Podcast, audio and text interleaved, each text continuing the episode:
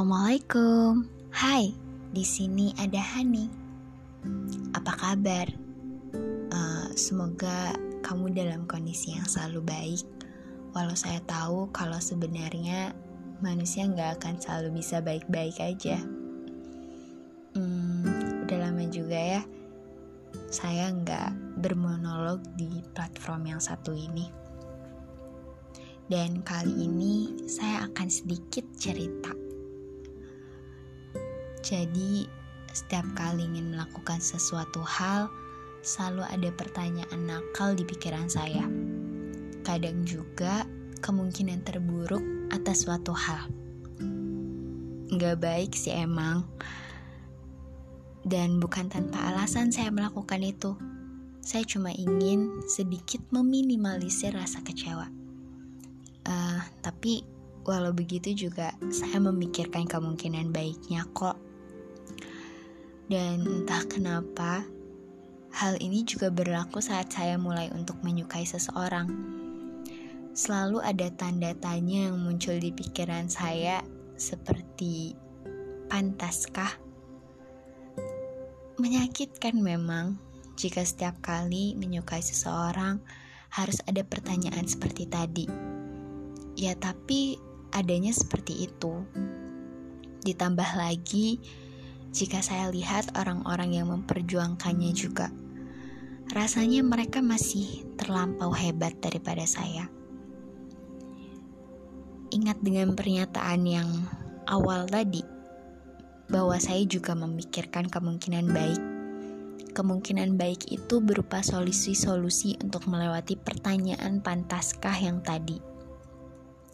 Saya memikirkan solusi seperti ini uh, entah deh ini termasuk solusi atau enggak bagi kamu yang dengar tapi menurut aku ini solusi. Buat deket sama dia modal tampang aja itu nggak cukup. Harus punya skill dan hobi yang setara juga. Because to make you fall in love with me I have to look attractive.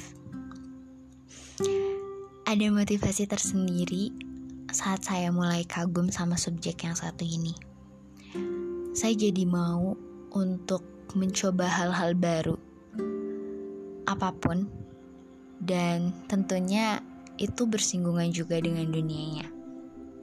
Intinya, saya nggak mau ada pernyataan dia semakin hebat, sedang saya semakin tak terlihat.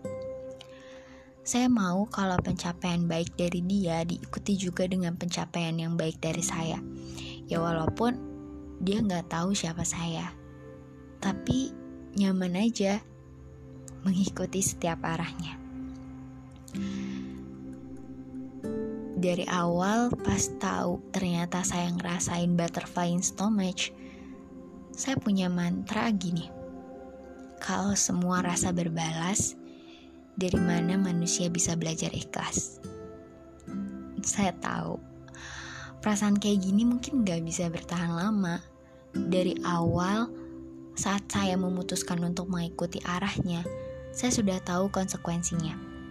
Bisa jadi, tanpa adanya persiapan, saya harus siap menerima perasaan kecewa. Sebab di dunia nyatanya dia telah menggandeng gadis lain yang dia suka.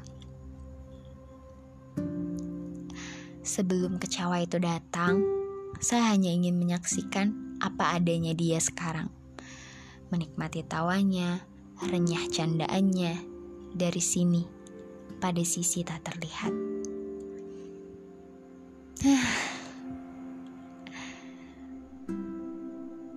Segitu aja kali ya. Hmm, kita sambung di podcast selanjutnya. See you. Assalamualaikum warahmatullahi wabarakatuh.